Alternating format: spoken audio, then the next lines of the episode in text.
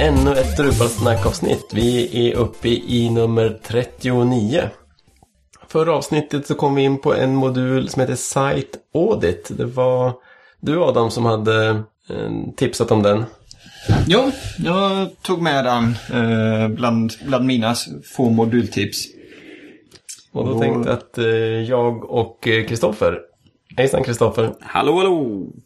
Tänkte att det var ju en eh, rätt intressant sak. Så att det där kanske vi kunde ägna en hel avsnitt åt. För den här modulen då spottar ut en väldigt bra rapport. Med bra punkter att tänka på när man tittar igenom en webbplats. Men först då tänkte jag meddela att eh, eftersom jag blir eh, pappa igen här kring jul, nyår eller någonting sånt. Så kommer jag ta lite eh, paus från Drupalsnack. Så att eh, vi tänkte höra om det var någon som skulle vara intresserad av att vara programledare. Och du Adam har ju funderat lite mer på det här.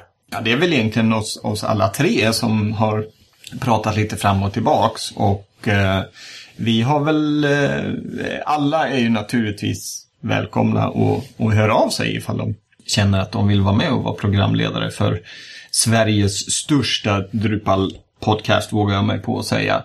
Eh, men vi tycker väl att eh, det hade varit kul om vi hade kunnat få en tjej som vill eh, vara med och eh, snacka Drupal. Eh, det kan bli lite, lite mansdominerat med, med tre killar. Och eh, om det finns några tjejer där ute så eh, ta, ta chansen och, och eh, hör av er. Gå in på drupalsnack.se och, och skriv i kontaktformuläret där en liten, liten beskrivning om er eller bara anmäla att hej, jag kan nog tänka mig att vara med och snacka Drupal för jag jobbar med det, eller jag tycker om det. Det hade varit lite kul. Ja, absolut så har vi inga krav på den eh, som hör ut av sig heller. Nu måste inte vara en Drupal-utvecklare eller eh, sådär, någon nördig person utan bara ett intresse för eh, Drupal. Och ja, vi, vi utgår ju alltid ifrån oss själva när vi pratar så att det spelar ingen roll om, eh, om du är första gången eller inte. Det, det ska finnas intresse för Drupal och sen lär vi oss under resans gång. Precis, bra sagt. Då, Site Audit. Det är en eh, Drush-modul, en Drush-plugin som eh, man kan installera. Jag såg att eh, Pantheon, har, vet, vet du Adam, har de varit med till mig och eh, utvecklat den här? De använder den tydligen i sitt webbgränssnitt. Jag har lite kunder på Pantheon, en sån här Drupal-hosting.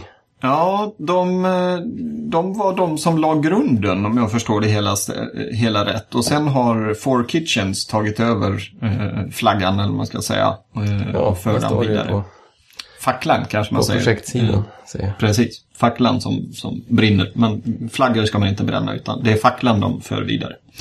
Eh, men som du säger så, så har ju de eh, den här på sin eh, launch check eh, hos Pantheon. Men det kanske du, jag har aldrig pysslat med Pantheon, men du har lite mer erfarenhet av den förstår jag. Ja, eh, jag har ju kört lite kunder och det är ju riktigt trevlig, trevlig hosting med eh, väldigt bra eh, Git-support och man får automatiskt test och utvecklingswebbplatser plus, plus eh, själva produktionswebbplatsen och sånt. Och nu upptäckte jag att man kan köra site audit direkt mot dem. Vilket är ju rätt trevligt. För att Eh, eh man kan installera lokalt och köra i sin lokala utvecklingsmiljö men ofta är det mer intressant att köra en site audit på produktion och då måste man ju ha site audit modulen eller pluginen man ska kalla installerad på servern. Precis. Eh, snabb fråga där. Eh, vad skiljer det från att ha det i sin lokala utvecklingsmiljö kontra servern? Varför, varför vill man köra det på, på live-servern? Kan man inte lika gärna göra det lokalt? Ja, fast eh, visst går det. Man får ju som samma typ av... Ingen skillnad egentligen på det man kör, men jag i alla fall har ju ofta en helt annan uppsättning eh, med inställningar. Jag har, slår ju ofta av kachén och eh, man slår av eh, aggregeringen av CSS och JS-filer och man har lite andra moduler installerade när man håller på att utveckla lokalt. Så man, eh, och det går ju sig att ställa om då så att det blir precis likadant som i, i produktion. Men det är ofta kanske enklare att köra i produktion så man vet att det är verkligen det som man kör en audit på det som folk faktiskt ser. Precis. Bra svar. Guldstjärna i kanten. Fick jag det att låta som jag visste det. Nej, men som du säger, man har, det är ju, skiljer ju sig ändå lite mellan utvecklingsmiljö och, eh, och live-server. Och eh, cache och moduler är ju det som skiljer sig åt mycket. Eh, jag har bara använt det lokalt eh, när jag har gjort mina rapporter. Eh, och eh, om man bara kör det här kommandot så får man ut en rätt ful fil. Eh, så tack och lov så har de faktiskt tänkt ett steg längre. Så de, lägger man till lite, lite växlar i, eh, kommand, på kommandoraden där så kan man få en eh, färgglad liten rapport ifrån, eh, med hjälp av Twitter Bootstrap helt enkelt för lite styling. Ehm, jag har gjort i, till dags dato mellan fem och sex sådana här site audits. Ehm, hur många, hur många har ni gjort? Fredrik, Kristoffer? Ja, just den här ja, modulen har jag inte riktigt kört eh, skarpt. Däremot en generell site audit där man själv går igenom olika saker, det har jag gjort en riktig genomgång och så. Men oftast är man ju på den sidan att det är man själv som producerar, det är sällan man tar över andras jobb. Men då är den här bra. Så, för då får man ju hjälp att kunna se sin egen kod och kunna se vad är det vad är det andra tänker på som är viktigt som jag kanske missar? För man blir ju lite hemmablind. Allt ifrån eh, ja, men kronjobb och databas, security-inställningar och, och views, eh, delar och lite sånt. Ja, men då tar vi och går igenom en site audit. Vi har lagt upp den för drupalsnack.se så att ni eh, kan titta på den själva medan ni lyssnar här. Ni hittar länken i våra show notes. Det börjar med en summary där man ser hur många procent man har fått. Om det är grönt och blått och gult och rött. En röd har vi. Så jag tror inte att den var så väsentlig.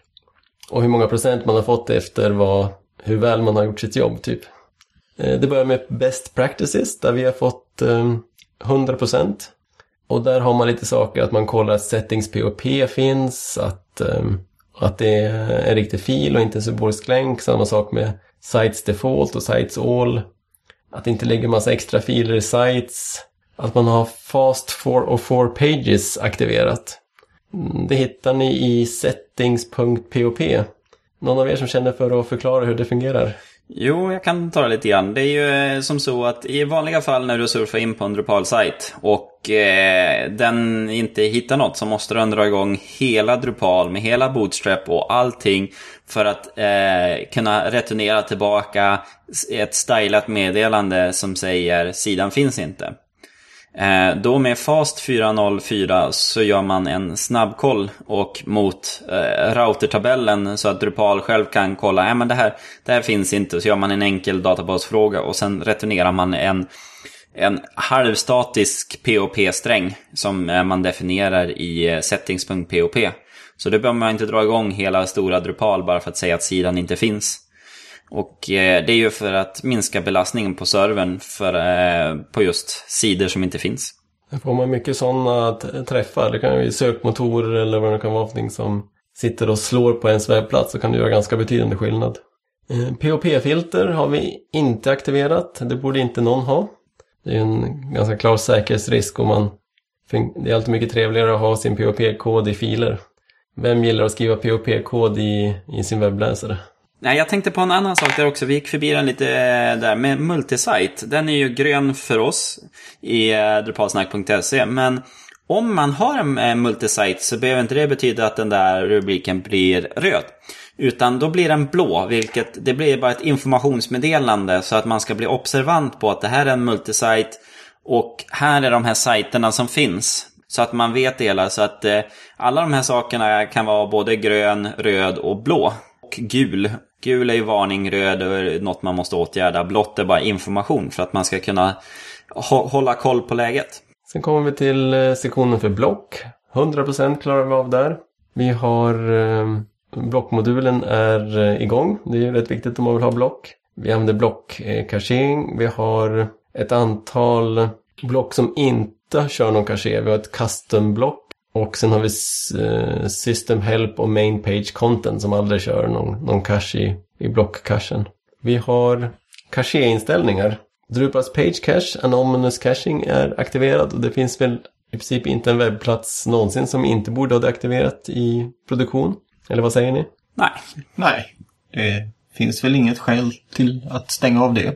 Eh, Sen har vi en liten gul ruta här, minimum caché lifetime. Eh, Jag satt den för druparsnack.se till en dag. Att cachen ligger som minst. Vad som än händer i webbplatsen så kommer cachen inte att eh, genereras på nytt på en dag. Så om jag skriver en, en ny artikel och inte gör någonting eh, så kommer den att visas, kan det ta upp till en dag innan eh, den visas för att cachen eh, rensas. Och det har de som gult där, för det är lite grann, är det verkligen det du vill? För normalt så vill man nog kanske inte ha det så långt. Men för drupalsnack.se som uppdateras bara en gång varannan vecka, så när, jag lägger, när vi postar ett nytt avsnitt så kör vi helt enkelt en clear cache. Och resten av tiden så ändras det nästan ingenting på webbplatsen så att då kan den få väldigt lång caché-time och minimera belastningen på, eh, på servern. Vad brukar ni köra där? Kör ni en minut eller kör ni noll eller? Det beror på kunden som administrerar sajten. Eh, om, man, om de kan förstå att det är bra att sätta en minimum lifetime på typ fem minuter. Då kan man sätta det hela. Men kunder som bara varenda gång de skriver en nyhet och inte dyker upp på en gång i publika webben då, och de får en panik över det hela, ja men då sänker man det hela och kanske en minut eller kanske ingen. Um, för det är, ju, det är ju till för att servern inte ska behöva generera upp samma innehåll hela tiden. Så uh, blir man dedosad, det är ju då man ställer upp den här högt. För då är det, Drupal returnerar ju bara samma innehåll, även om det kanske ändras. Men eh, då får man tömma cachen en gång manuellt när det behövs. Hur brukar ni göra Adam? Ni har ju en hel del olika kunder också. Eh, jag skulle nog säga att det är, ja som du säger, om kunden är med på hur det funkar så vågar man ju sätta upp det lite. Men eh, nej, jag tror att det är satt till, eh, vad, vad var det vi sa, namn. Mm. Namn, never. Eh, på de flesta. De, de vill ha, de vill se det liksom direkt. Och Ehm, jag vet, jag har tagit ett, ett gäng diskussioner under utbildningar att nej, men vi, kan vi inte göra så här? Men nej, det, det, det går liksom inte. Det, tyvärr, får jag säga. Det, de lider ju lite av det, eller vad man ska säga. Sen har vi nästa, ex Expiration of Caché Pages. Det är väl den andra, det är den här ehm, Minimum Caché Lifetime och Expiration of Caché Pages som brukar vara de mest förvirrande inställningarna på, om man går in på performance-inställningarna på en Drupal-webbplats. Det står ju själv, i Drupal själv säger att the maximum time an external cache can use an old version of a page.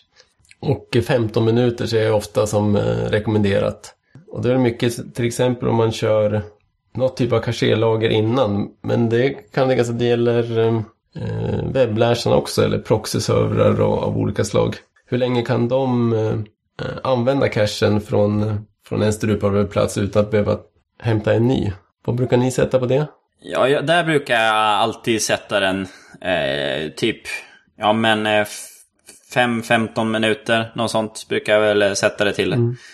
Och därför att i det här fallet så kan, ofta så brukar det vara så att användaren kan ladda om sin webbläsare så då brukar det komma.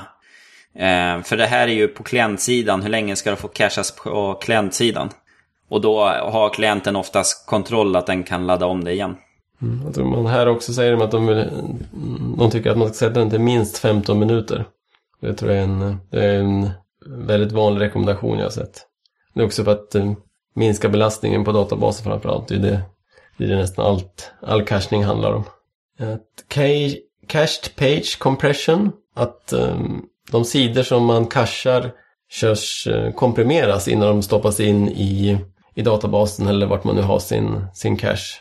Eh, Det där har jag sett lite olika rekommendationer på för ofta så kör ju ens webbläsare också GZIP-komprimering.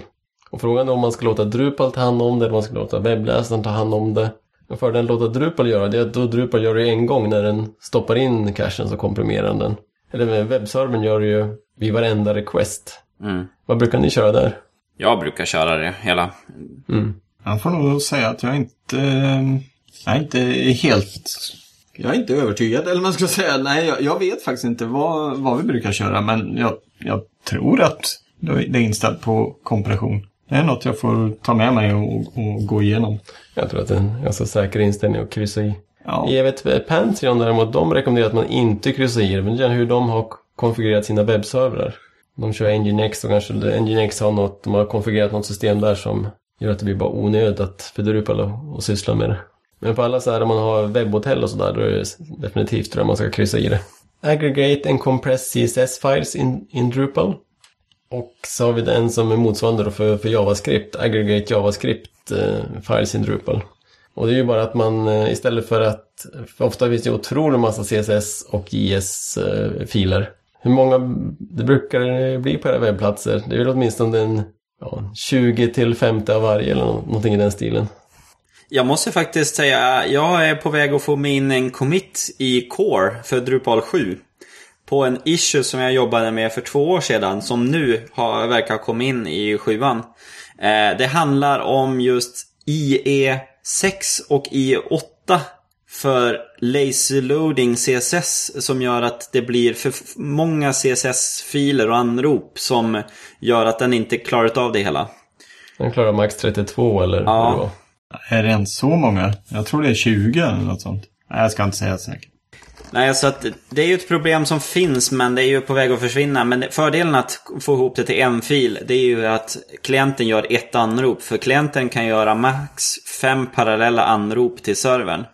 Så då eh, om man har 30 så kommer det ju eh, 30 CSS-filer eller, och JavaScript-filer så kommer det ju betyda att den måste vänta eh, som i, i sex omgångar. Och har du en, en, en vad ska man säga, en eh, pingtid på eh, 200 millisekunder så betyder det att det är en, sekund att hämta innehållet. Och då är det oberoende hur lång tid det tar att leverera datan. Det är bara trafiktiden emellan server och klient. Det är ju, även om man har tio filer som är kilobyte är precis lika mycket som en annan fil så är de där tio små filerna betydligt mer jobb att ladda hem än den ensamma stora filen. Det precis händer att Drupal tar alla CSS-filer och jag slår inte ihop dem i en utan det blir nog brukar bli en tre, fyra stycken för att man försöker dela upp dem beroende på att de behövs på olika sidor och så. Och likadant med JavaScript så det är ju en, någonting man absolut alltid ska eh, kryssa i. Det enda jag har sett någon gång när man inte ska kryssa i den för JavaScript det är om man kör eh, vad heter den? Eh, Cloudflare. De har egen JavaScript-aggregering och man måste välja att antingen kör man Cloudflare eller så kör man, eh, så kör man Drupal. Så kör man båda så blir det lite mysko. Det är kaka på kaka. Eh, sen kommer lite mer avancerade saker. Lock API, det är alltså hur, hur Drupal kan låsa databastabeller. Och det här ligger som, som förvalt eh, i, eh, så körs det här i databasen så det kan ganska lätt bli flera stycken som försöker låsa samma sak och det blir lite strul på en, eh, när man har en webbplats som har lite mycket besökare och sådär. Så ett väldigt bra sätt att lösa problemet är att låta flytta över till Memcache. Det är väldigt många större webbplatser som har gjort. Och för drupalsnack.se skulle inte det egentligen behövas men nu har jag Memcache på servern så är det enkelt gjort. Och det där också vi har, som den här sajtauditen visar för Drupalsnack, att vi har alla caché-tabellerna eh, ligger i, i Memcache. Memcache är bara ett sätt att ha caché-tabellerna i, i ram, direkt i minnet. Och det är naturligtvis det absolut snabbaste sättet. Att läsa någonting direkt ur minnet är väldigt mycket snabbare jämfört med att göra det ur databasen. Och sen lite snyggt har den lite information om olika caché-bins och sånt för Memcache också så att man får lite översikt av hur man har konfigurerat det hela. Man får lite information om eh, sin codebase, att vi har en och en halv gig filer och det är väl uteslutande mp3-filer i princip. Ja, vi har om content, om innehållstyper, om taxonomier, lite rapporter. Att man inte har några oanvända innehållstyper och oanvända vokabulärer och sånt. Det har vi inte, så att där fick vi 100%. Kron är ju en viktig sak, att man kör sådana här jobb som ska köras regelbundet. Och där har vi, den fungerar och körs och det talas om när den kördes sist och sådär. Då kör den en gång per dygn. Eh, Databasen, också 100%. 8 meg bara i databasen. Det är inte så mycket. Men eh, vi kör UTF-8 på allting. Allting kör InnoDB. får vi stora gröna grejer för. Extensions, eh, det måste vara moduler det, eller hur? Ja, det heter det väl. Det är, I åttan kommer det heta extensions, inte modules. Så de, de, har, de, är, de hänger med. Och döpt om det här Precis. också. 56 stycken extensions eller moduler är aktiverade. Och så får man en liten gul eh, notis här om att eh, ni kanske sett att många moduler har delat upp så att man har Field och Field UI, Views, Views UI, Rules också har väl Rules UI. Här tipsar de om att eh, de här UI-modulerna kan man faktiskt stänga av i produktion. Om det är så att man inte sitter och, och jobbar med eh, webbplatsen i, produktion utan man har en utvecklingswebbplats. Hur brukar ni göra där? Stänger ni av era UI-moduler? Ja, ah, inte något mycket. Eh, egentligen så skulle man göra det mer men eh, och, sajterna jobbas ju ändå med och ibland så vill man in och kanske ändra en vy eller eh, titta på hur fälten ser ut eller något sånt där. Och, ehm, då är de väldigt behändiga att komma åt istället för att behöva aktivera modul och sen göra någonting och sen stänga av modulen. Det är bara på um, ett par stora webbplatser där man verkligen har hård kontroll på vad som är utveckling och, och live och sådär som jag har stängt av dem. Vi har inga icke-rekommenderade moduler. De måste ju ha någon, kanske någon inbyggd lista då där de, eh, där de har moduler och extension de tycker är dåliga som de listar här. Inga saknade moduler, inga, inga moduler som behöver avinstalleras. Just den där eh, Duplicate, Jag körde det på någon annan sajt här nu där vi har multisajter och lite sånt. Eh, den går ju igenom hela Drupal-katalogen och kollar så att man inte har dubbletter så att man har någonting i profiles och någonting i all och sen någonting i sajtens module-del. Så att eh, den kollar så att man får en, en, varning så att man inte råkar placera en modul fel på två ställen om man inte vet vilken som är aktiv. Sen Google, Google PageSpeed Insights 0%. Det där vet jag inte. Invalid value. Values must match the following regular expression. Jo. Det verkar vara något error-meddelande. Vad ja, vad de har. Eh, så här, eh, PageSpeed eh, Insight. Det där är ju ett servertillägg som man kan lägga in på sin webbserver. Och den ligger som ett lager i, mellan Apaches renderingsdel och det du levererar till eh, slutkunden. Så Google... Ja, det är en Apache-plugin de tycker man ska ha. Ja. ja, för då kan eh, det... Det är Google som har utvecklat den delen. Men det den gör det är att den kan fixa ordning. Den kan ju... Det är en jättekraftfull eh, eh Apache-modul eller Nginx-modul. Den kan göra sådana här saker som CSS-omskrivning, eh, bildkomprimering on the fly och eh, den kan köra GZIP och hela den biten. Och det ska ju bara vara att köra och sedan ska man inte behöva tänka på det hela. Eh, men jag har, upp, jag har kört det lite grann, man får lite grönare siffror eh, i vissa sådana här prestandardtest. Fast samtidigt lägger det till ett komplexitetslager och det är svårt att mäta den förbättring man får. Det är bara i de här eh, testerna där det står att ja, du har 0% du kan komprimera dina bilder istället för att det står 1%. Mm. Så att eh, man kan titta på det hela men eh, som en vanlig sajt så är det mer det är mer komplexitet än vad det ger. Security nästa, 100%. Då kollar de igenom ens menu router. Och det är väl den tabellen, menu router-tabellen i databasen. De kollar så att det inte är några mysko-sidor som har skapats eller att det är några omdirigeringar. Att det, har, det är väl att webbplatsen har hackats i så fall. Ja, för jag läste lite grann. En av de hackertekniker som finns med den senaste SQL injection-buggen är att du kan lägga in en routing-rad eh, och säga på den här URLen. Så istället för att ladda den här POP-filen så kör man en file put content. Och då har du i databasen skrivit din egen POP-kod som sen exekveras. Och då gör du det direkt i routing-tabellen. Så att det här är ju en koll så att det inte görs några sådana eh, hackerknep. Det var trevligt att det var grönt då. Mm. Status 88%. Vad har vi? Det här är ju den vanliga statusrapporten som man får under Reports Status. Vad jag förstår på varenda Drupal-webbplats. Så det har väl de flesta varit inne och tittat på någon gång. Eh, ja, Update Notifications är eh, inte aktiverat. Det gör jag aldrig i produktion. För att jag kollar ju om det behövs nya moduler, kollar jag i, i utvecklingsmiljön. Men längre upp har vi, den har ingen färg, men där står det C-Tool CSS Cache Error Unable to create. Tittar jag på rätta statusrapporten så, är, så existerar den redan. Då har vi nog det här problemet att det här, vi kör ju den här rapporten som en lokal eh, Linux-användare. Och då har den lokala Linux-användaren inte skrivrättigheter till den eh, katalogen eftersom det är ju www-data som äger den katalogen. Ja, så är det förstås ja. Så att eh, den här användaren som jag körde den här rapporten som har inte, har inte rättighet att eh, ändra det och tror den att, den, eh, att det är någonting fel. Men egentligen är det ju väldigt rätt.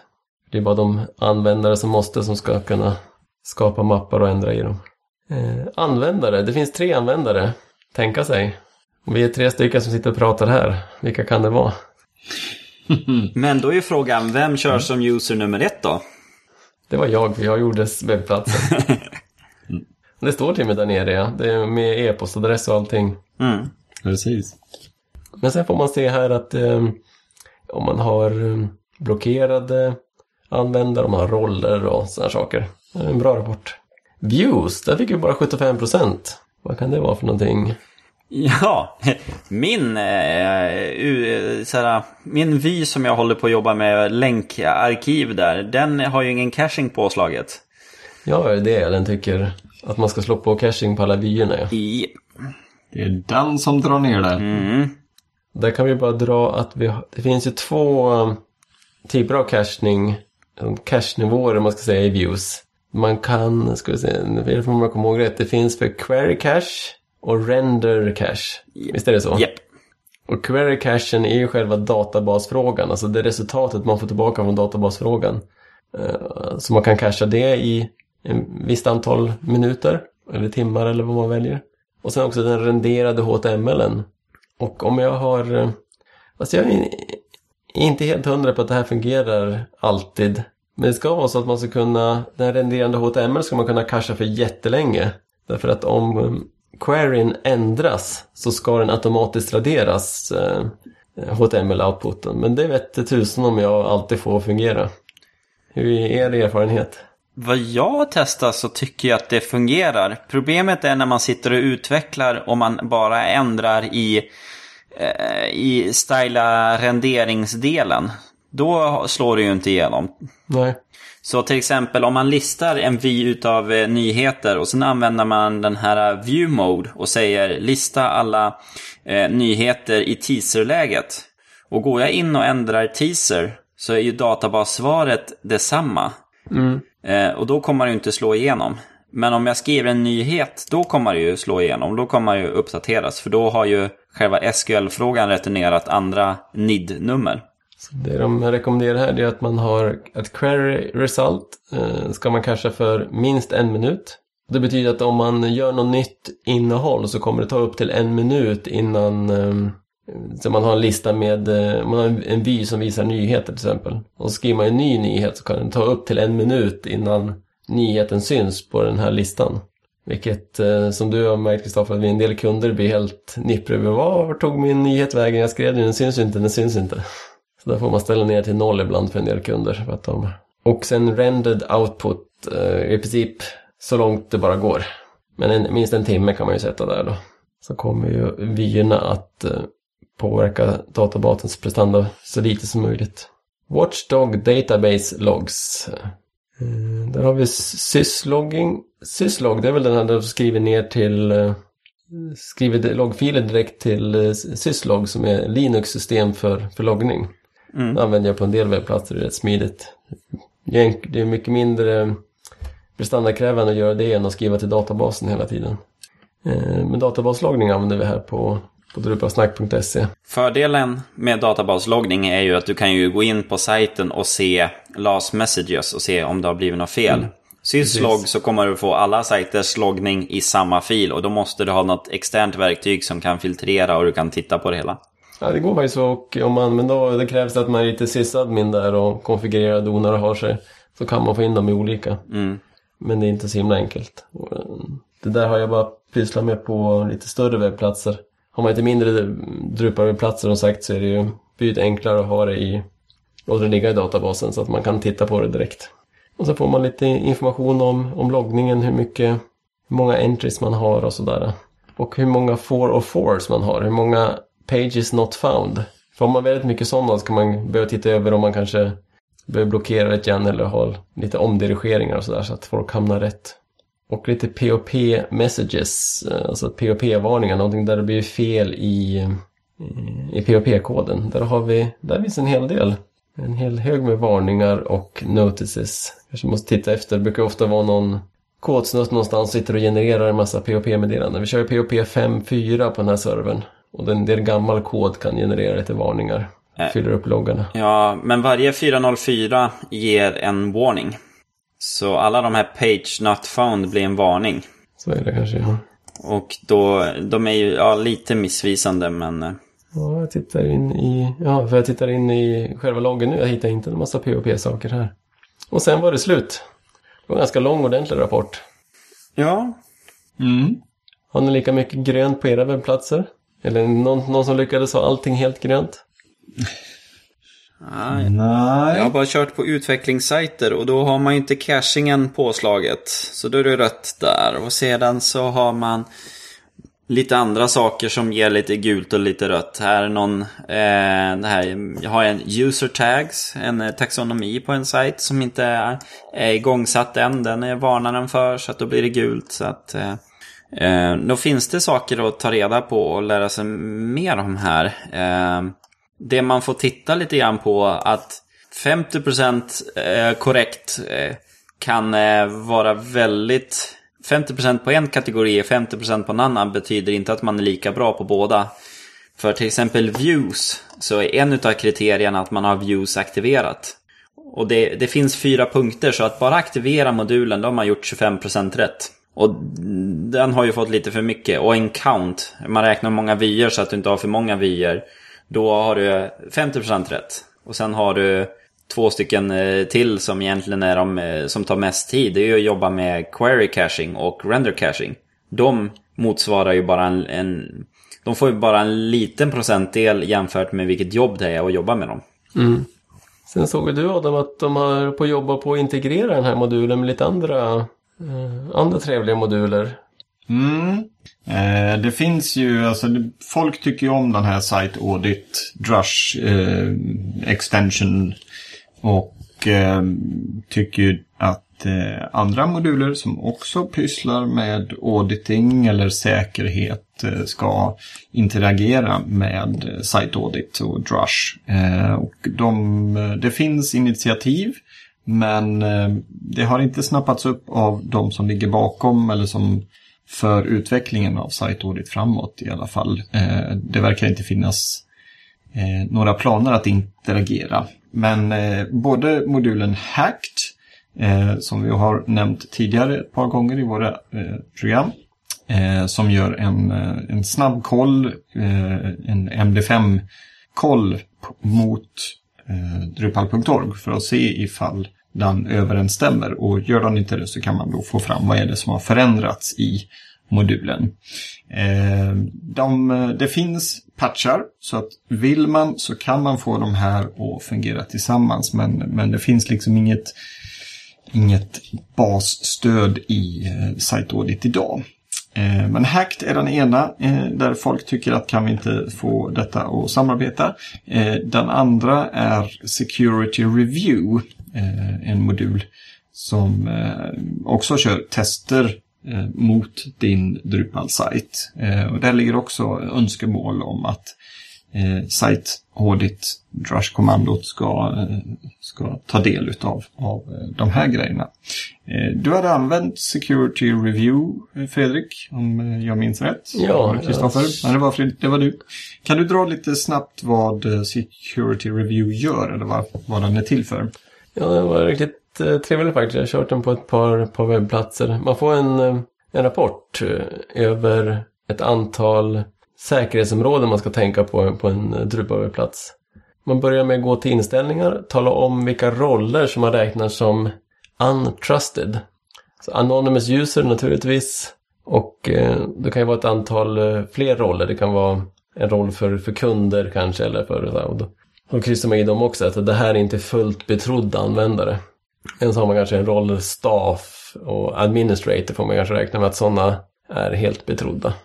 Och så kan man tala om vilka typer av eh, tester man vill eh, köra om man, kan, om man vill hoppa över några. Och sen kör man run och då genererar den hela rapporten och då kollar den igenom att eh, de roller som man har sagt inte är betrodda, att inte de har några känsliga Drupal-rättigheter en eh, modul, en Drupal Core-modul lägger till en rättighet där, man, där man ser under People Permissions så kan man tala om att den här rättigheten, man kan sätta en speciell eh, attribut på den. Att eh, den här är en administrator, liksom, att det är en känslig rättighet. Och då kollar den att de här rollerna man angett som osäkra inte har någon av de rättigheterna. De tycker att man ska sätta, om möjligt ska man sätta base URL i settings POP så att det inte går att lura Drupal på den. Den eh, kollar så att felmeddelanden inte skrivs till skärm utan bara skrivs till loggen. Eh, kollar så att PHP-filer inte kan eh, köras direkt från filesmappen Eh, den kollar så att eh, det inte är några farliga taggar och sånt som finns i, i alla artiklar och sånt i databasen. Den kollar så att installationsfiler och mappar och sånt inte kan skrivas direkt från servern. Det är bara filesmappen som kan skrivas från servern. Eh, den kollar så att folk inte kan stoppa in farliga HTML-taggar. Att um, mappen för private files ligger utanför serverns rot. Att det inte finns några känsliga temporära filer. Att bara säkra filtyper kan laddas upp. Och att eh, Views-modulen gör ordentliga access checks och sådär. Det är de som jag har sett. Är det någon som har sett några fler? Nej. Den, det är, alltså de tester som, som har poppat upp på de webbplatser där jag har kört har ja, riktigt bra saker de, eh, de kollar. Och det, även om man tycker att man kan det här så kan det vara bra att köra den bara för att man inte har glömt bort någonting eller man kan ju bli lite hemmablind ibland. Och så riktigt bra tester den kör. Och man kan, eh, för, för varje test då så visar den om det är grönt eller rött och man kan få eh, klicka på en details-länk så man får en förklaring till vad den har hittat för någonting och hur man kan åtgärda det och sådär. Så det rekommenderas. Det ska väl också nämnas att den här listan som man får fram, det är ju inget, den här åtgärdar ju ingenting utan listan man får fram är, mm. den ligger liksom till grund för vad du kan fixa själv. Ja, precis. Det är en rapport bara. Mm, precis som Site Audit-rapporten är. Mm. Du får svart på vitt värden och, och, rekommendationer men det är precis det du får. Det, det är liksom, den fixar inte din sajt på något magiskt sätt. Nej, det får man göra själv. Mm. Och den här hack, den hade vi pratat om förut. Den tror jag du drog igenom rätt bra Adam i tidigare avsnitt. Mm, jo, jag, ja, jag nämnde nog den i förra avsnittet och jag vet att jag, jag har haft uppe den tidigare och eh, både Security Review eh, och framförallt Hacked är väl högaktuella nu med tanke på eh, den stora SQL buggen, eller säkerhetshålet som dök upp här för ett par veckor sedan. Vi pratade om det innan vi körde igång dagens avsnitt att eh, versionshantering är väldigt bra att ha nu i eh, om du kollar om man har blivit hackad eller inte. För då kan man ju göra en hundraprocentig koll om några filer har ändrats eller inte och sånt. Så åtminstone man kan ha 100% koll på ens filer. Även databasen måste man ju förstås testa ändå.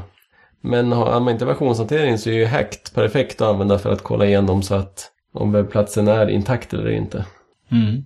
Och det kan vi ju säga nu angående den här eh, buggen också att det är Drupal Association gick ju ut med ett extra meddelande, eller security-teamet, ett extra meddelande uppmanar alla att uppgradera hela sajter. För det är det attackeras aktivt. Så uppdaterade man inte sin sajt inom sju timmar från den nyheten så är rekommendationen att utgå från att din sida är hackad. Och sök spår efter det hela. För att det, det, var, det var då de här script kiddies var igång och hade färdiga skript. Och även om du inte ser om din sida är hackad eller inte så deras taktik har varit att placera bakdörrar. Så även om du fixar core så har de fixat in bakdörrar på olika sätt. Det är deras eh, menu router i databasen men de har ibland laddat upp eh, POP-filer. Eh, I kataloger, i i fileskatalogen men även försökt komma utanför den. Och eh, ett jag läste om något, det var att de aktiverade POP filtermodulen. Det första de gjorde. Så att då kunde de ju exekvera POP-kod i de vanliga formulären överallt.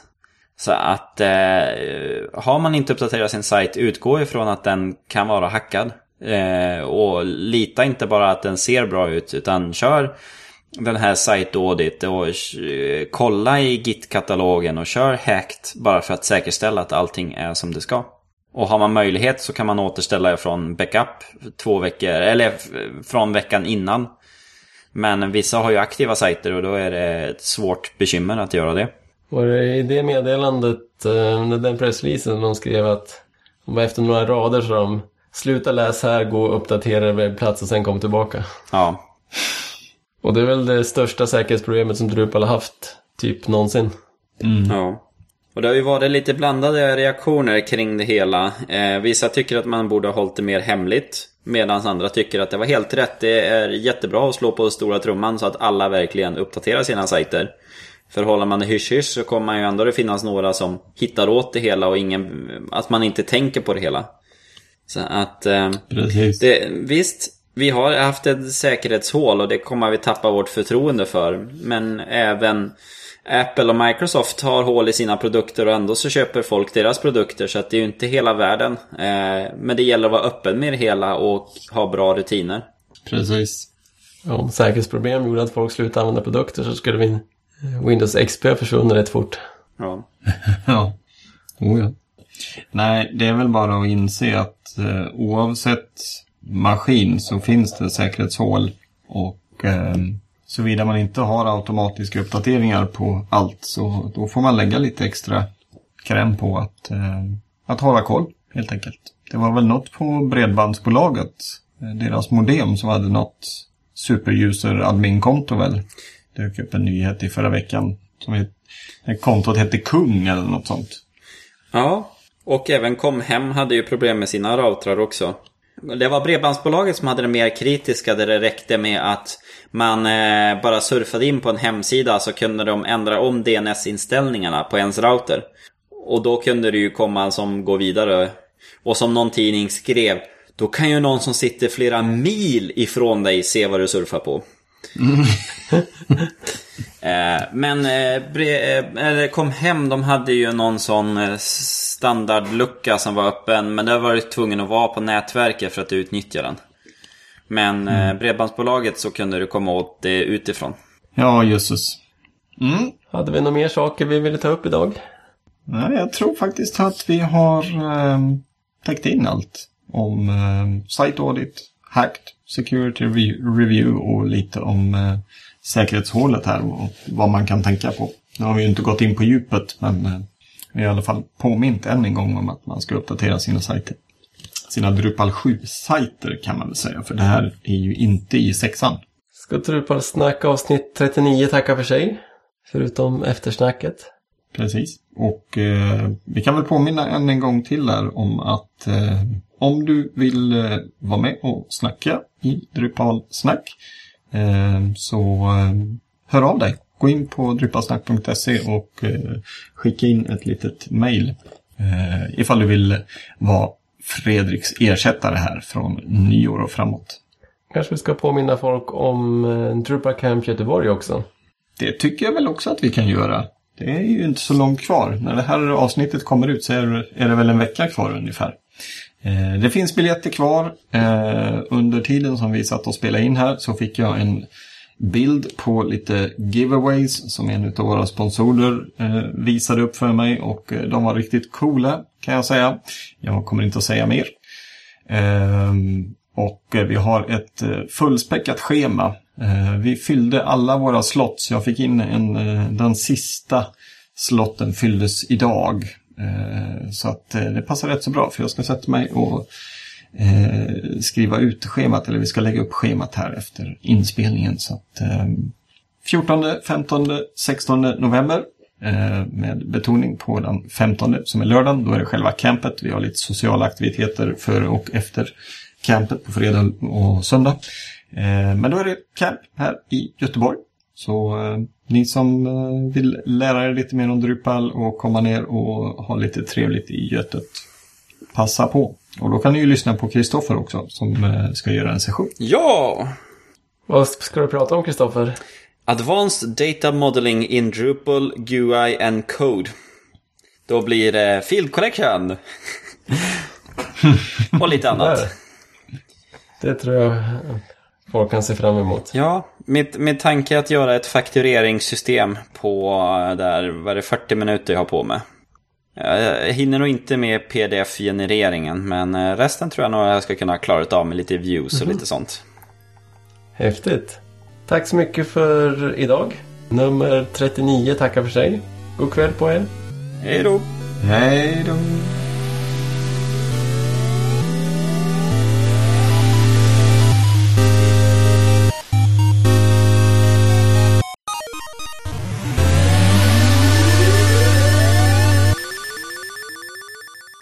Tänkte vi pratade om eh, autouppdateringar och sådär. Det är de som har, tycker att eh, Drupal borde, borde införa det. Det Lite samma stuk som eh, Apple kör ju mycket sånt. Gå in och stänger av saker och ta bort eh, saker på alla Apple-datorer i hela världen. Jag upptäckte att min pappa kunde inte läsa e-tidningen i lokaltidningen här. då. Eh, så han eh, ringde och sa att han kunde inte läsa tidningen längre. Så då bara hoppade jag in på hans dator och eh, fick klia mig lite i huvudet sen. Då upptäckte jag att hans eh, Flash-plugin hade stängts av av Apple. Därför att den var en för gammal, osäker version. Jaha, Ja. Så att eh, då fick man gå in och uppdatera Flash och sen så fungerar det igen. ser du? Och så den hade väldigt dålig eh, felmeddelande på den där e-tidningen. Det enda som hände var att hela webbläsaren blev grå. Solid Nej, grå sida såg man. Det var det felmeddelande man fick. Det är dåligt eh, testat av de som har utvecklat det. Det, det kan ju vara lite, kännas lite hårdhänt men av Apple att gå in och göra sådana saker. De kan ju också gå in och stänga av att vissa program inte kan köras längre och sådär. Så, för de, har ju, de är ju kodsignerade. Det tveklöst höjer ju säkerheten. Det gör det mycket svårare för eh, olika typer av eh, worms och trojaner och sånt att kunna attackera på bred front eftersom Apple kan trycka ut kod till åtminstone alla uppdaterade mackar och, och blockera det. Men det är ju, ja, det, det är ju så här... Äh, de måste ju ha också den här um, Googles mantra, Don't be evil. För uh, det är ju som... Det är ju så här Google, eller vad säger jag? Apple kommer ju med sitt Apple Pay så att du ska kunna betala med den nya iPhone 6-telefonen. Ja. Och nu är det ju, är det ju massor med kortbetalning. Det finns något så här konkurrerande system som butikskedjan håller på att utveckla. Så nu har man i sin tur blockat Apple Pay från att fungera på deras kortterminaler. Och då är ju frågan, kommer Google, eller så här, kommer Apple ge igen då? Och kommer Apple blocka deras saker? Eller så här, hur, hur mycket kommer de använda sin makt? För de har ju väldigt stor makt. De här kedjorna, de har inte bara eh, blockat Apple Pay, de har tydligen blockat all så här NFC-betalningar, inklusive Googles, eh, vad heter det, Google Wallet eller vad heter det? Ja, där. med anledning att de har någonting bättre. Men det är inte färdigutvecklat, det kommer om ett år. Det är väl deras krig mot eh, kreditkortsföretagen, var det någon som sa. Men det är ju det så här... Ja, man ger ju ifrån sig ganska mycket information just med sitt köp. Och tidigare har man inte tänkt på det hela, men undrar egentligen hur stor databas Visa och Mastercard egentligen har. Och hur mycket kunddata och eh, kundprofiler de håller koll på. De som handlar i den här butiken handlar också i den här och då använder de de här varorna och, och den biten. Det är en hel del. Mm. De har ju såna här uh, fraud detection grejer, att om man gör två inköp i affär med viss tidsintervall och sånt, så att det verkar misstänkt att man är svårt att befinna sig på två ställen samtidigt. Blockera kortet eller ja, blir flaggas alarm i alla fall. Mm. Och det är ju det, vissa av de här sakerna är ju bra. Det kan man ju inte uh, undgå ifrån. Om mitt kort handlas för normalt här i Sverige och jag gör ett köp och tio minuter senare så gör jag ett köp i Turkiet. Då är det ju någonting som är lurt. Eh, och då kanske man ska kolla upp det hela. Men det går ju också att som sagt missbruka. Men ska, vad tror ni, ska Drupal försöka satsa på något sånt? Det måste ju vara någon eh, opt-out möjlighet förstås, men att, men att man ska trycka ut säkerhetspatchar till, var, till varenda webbplats. Det hade ju varit trevligt, men eh, om man ser på hur, hur det funkar med, med till exempel Wordpress. Eh, vi pysslar ju en del med Wordpress på jobbet och jag är medlem i lite Facebookgrupper och jag tror det var, om det var 3.8 eller 3.9 som kom i våras. Och det var någonting som gick snett. Så plötsligt så blev ju alltså de här chattgrupperna de fylldes ju med, med desperata människor. Bara, ah, vita sidor, jag får inget annat än vita sidor. Både, både frontend och backend, liksom inloggad och utloggad, så, så strulade det. det. Det var någonting som gick snett. Eh, och det vill man ju inte ska hända. Det, det får ju liksom inte ske. Och det, det man ska väl inte ljuga. Jag har fått lite widescreen of death när man har uppgraderat Drupal från en version till en annan. Ofta då när det är stora hopp. Men eh, om det bara sker från en version till nästkommande version och det strular till det. Well, då, då är det väl inte så bra. Det, det beror ju mycket på också vilka, vilka moduler som man har. Eh, det var väl i Drupal 7.11 eller 7.8 där menublock-modulen eh, slutade fungera. Eh, när du uppgraderade din Drupal så försvann menyn plötsligt om du hade använt menyblockmodulen. Vilket vi på Kodamera hade gjort på många sajter. Och det löste ju sig. Det var ju bara att uppdatera menyblockmodulen. Men det kanske inte... Ja, hur långt ska man dra? Ska också modulerna uppgraderas i så fall? Så att... Ja, jag vet inte. I en perfekt värld så hade det ju varit bra, men eh, jag, jag tror inte att det är text, tekniskt hållbart kan man säga. Jag är ju lite mot tanken just att POP-kod ska få uppdatera sig själv. För då öppnar man verkligen upp för eh, att eh, om någon får in en fot så kan de gömma sig överallt i POP-koden. Eh, för mm. i vanliga fall nu i Drupal så även om Eh, du kan hacka in i routersystemet och du kan placera filer i fileskatalogen så som standard så ska inte POP-filer i fileskatalogen få vara körbara. Och du ska inte kunna ändra på någon annan kod. Så därför känns den ju lite risky. Men automatiska uppdateringar, det finns ju en fördel och man skulle ju kunna lösa det som, ja men som Eh, I Windows när man kör den i stora företag och är systemadministratör där, då kan man ställa in så att Windows Update skickas ut till ett företags alla datorer.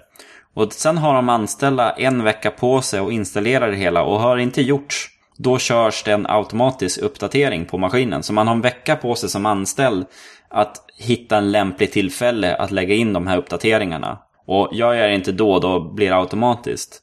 Eh, så att man skulle ju kunna ha, göra något sånt. Eh, men ja, jag vet inte riktigt. Eh, våra Linux-servrar som vi har, de har vi ju ställt in så att de är eh, automatisk uppdatering på säkerhetsuppdateringar. Eh, så när, eh, vad hette den här nu som var? Shellshot tjock när den kom. Så hade ju våra eh, eh Linux-server uppdaterats innan vi ens hade hunnit läst och eh, börja undersöka om våra servrar var uppdaterade så hade det skett i bakgrunden. Så där är det ju någonting som absolut ska det vara påslaget, automatisk säkerhetsuppdatering. Men det är för att Linux har ganska bra stabilitet på just säkerhetsuppdateringar. Eh, där händer inte så mycket om en lib eh, säkerhetspatchas. Men i Drupal kan det hända så mycket. Ja, det var också om eh, man byggde upp något sånt där system att man kunde trycka ut patcher. Den gång någon tar sig in i det systemet. Då har de direkt tillgång till miljoner Drupal webbplatser kan trycka in vilken kod de vill. Om man bygger upp något sånt ska man behöva vara väldigt försiktig. Har ni något annat ni vill prata om? Om den antågade snön? Det kanske i Göteborg kanske inte kommer någonting. Här ska det komma massor. Ja, här nere lyser den med sin frånvaro än så länge. Jag har väl haft, idag var det 12 grader så att det är ju relativt varmt här nere. Um, högsommarvärme. Lite... Ja, faktiskt. Um, fast högsommarvärme, jag var ju i Paris i förra veckan och firade TEN-bröllop, måste det vara, 10 år. Mm. gratulerar. Uh, och där var det ju, vissa dagar så var det ju 17, 18, 19 grader och samma dag som vi åkte hem så var det strålande solsken och 26 grader. Så att eh, det kanske är den värmen som eh, kommer uppåt här. Ja, tusan, vi är ju inne i november nu så att vintern kommer ju. Det, det vet man ju. George R.R. Martin skanderar ju det hela tiden. Winter is coming. För någon som känner till Game of Thrones. Nej, jag kan ju, ja, herregud, jag, jag har ju Drupal Camp Göteborg. Jag kan sitta och prata i timmar om det. eh, hur kul som helst. Folk får åka dit istället. Mm, precis. precis. Vi får se vad det blir av det här. Eh, vår lilla förening. Eh, dels så kommer jag och eh, lämna, lämna föreningen. Jag känner att jag har gjort mina, mina år där. Eh, samtidigt som vår kassör kommer att gå vidare till andra nya obeträdda marker. Eh, och tyvärr verkar det inte vara någon som är intresserad av att komma in och ta över där. Eh, så att det är lite, lite läskigt här. I värsta fall så, så lägger vi ner föreningen och då, då vet det sköna om det blir några fler camps här nere. Det, det står ju var och en fritt att arrangera något sådant. Men eh, vi har ju haft föreningen som en, som en grund att stå på, eller man ska säga, för att samla kunnande och vetande och även förvalta eventuellt, eh, eventuella vinster ifrån campet. Men eh, det verkar inte vara någon som är intresserad. Vi har haft lite, lite inlägg i våra Facebookgrupper och på Twitter och sånt. Men eh, ingen som har hört av sig. Tyvärr, tyvärr. Jag Hoppas det händer att, någonting eh, när de märker att det faktiskt eh, är lite trist när det är borta. Ja, eh, vi får hoppas att någon kliver fram på, vi har ju vårt årsmöte i, i samband med, med Drupal Camp näst, nästa helg här. Eh, så att, eh, ja, förhoppningsvis så är det någon som tar på sig slängkappan och kliver fram, helt enkelt. Om inget annat så har vi ju andra, andra camps i Sverige. Vi har ju Stockholm som brukar gå av stapeln på våren och vi har Köpenhamn, vi har Oslo, vi har Finland. Det är, jag följer eh, Lauri Eskola och Ruben Tejero på Twitter och det går ju inte en vecka utan att de är på ett nytt Drupalcamp runt om i Europa. Så att eh, skulle Göteborg försvinna så finns det andra att välja mellan på mer exotiska platser. Men då, åk till eh, Drupalcamp Drupal Camp Göteborg nästa vecka. Skriv en rad till oss. Gå in på drupalsnack.se, lämna kommentarer. Tala om att ni vill vara ny programledare för Drupalsnack. Eller tala om vad ni vill att eh, avsnitten framöver ska handla om. Och eh, ha det så bra. Och tack så mycket Kristoffer och Adam. Tack själv och tack våra lyssnare. Tack själva. Hej då! Hej! Hej då, hej.